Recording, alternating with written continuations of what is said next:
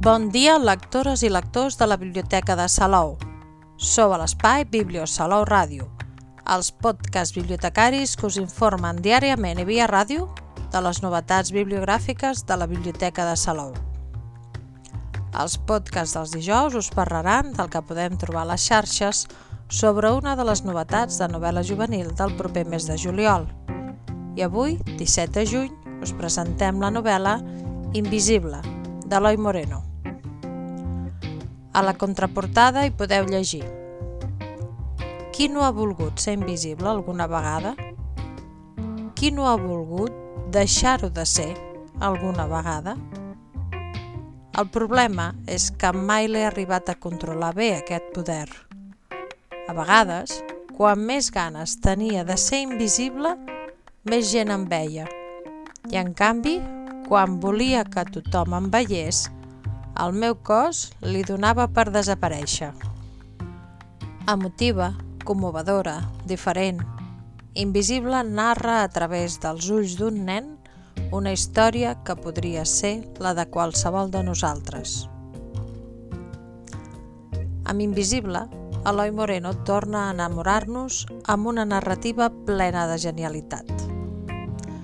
Aquesta novel·la ens explica la història d'un jove que desperta en un llit d'hospital sense recordar com va arribar fins allí. Però el que s'hi recorda són els superpoders que havia aconseguit abans de la seva arribada a l'hospital. El més important era fer-se invisible. Eloi Moreno construeix una història que, dividida en dues parts ben diferenciades, ens parla d'un problema molt real, però utilitza diversos elements fantàstics que entendrem a la perfecció una vegada acabada la lectura. Mitjançant capítols molt curts i àgils i una prosa cuidada, entrem en una història que, encara que al principi no comprendrem del tot, aviat s'anirà filant i ens anirà devorant de tal forma que no podrem deixar de llegir. L'autor ens deixa anar amb comptagotes les peces que conformen el misteriós accident que connecta el gran ventall de personatges. A través d'un ambient ple de misteri i girs argumentals, el llibre ens parla d'un tema de plena actualitat en els nostres dies – i el tracta de tal manera que fa el complex fàcil d'entendre. Una obra que és molt senzilla en les seves formes, però molt reflexiva i amb un moviment de debat constant, amb al·legories que relaten una infància de manera sublim que aconsegueix atrapar-te. El llibre està narrat en primera persona – així que des del primer moment podem connectar amb el personatge principal i amb els seus sentiments.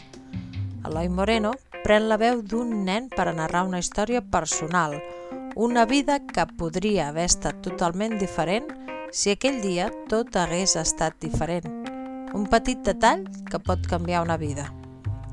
Una història màgica, entranyable, amb dolor, ràbia, incertesa, amb un ús del llenguatge perfecte.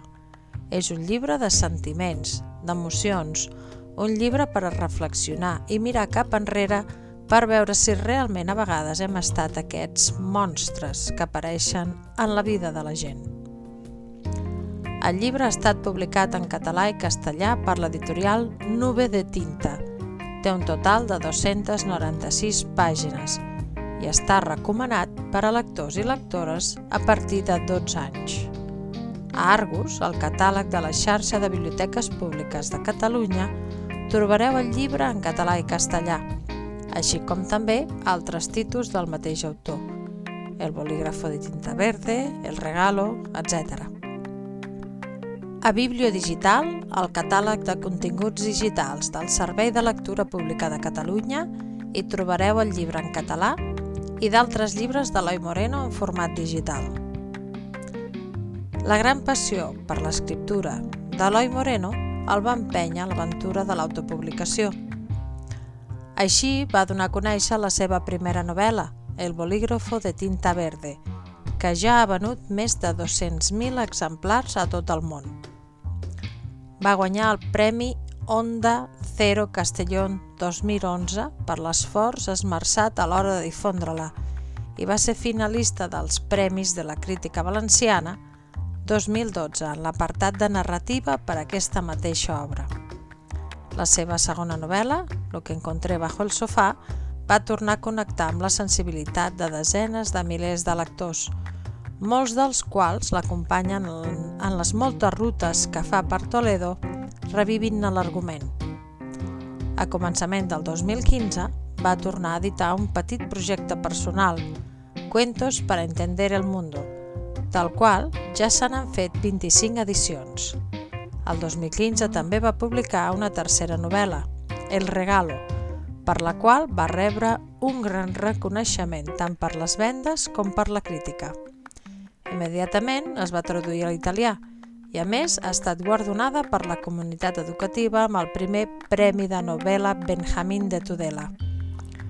L'hem buscat a les xarxes i Eloi Moreno i és present en una pàgina web www.eloimoreno.com També el podem trobar a Facebook, eloimoreno.escritor, a Twitter, arroba eloi-moreno i a Instagram, arroba Eloi Moreno Escritor. I fins aquí el podcast d'avui, però tenim més novetats de novel·la juvenil que anirem descobrint cada dijous. Que tingueu molt bon dia i molt bones lectures que us acompanyin en el dia a dia.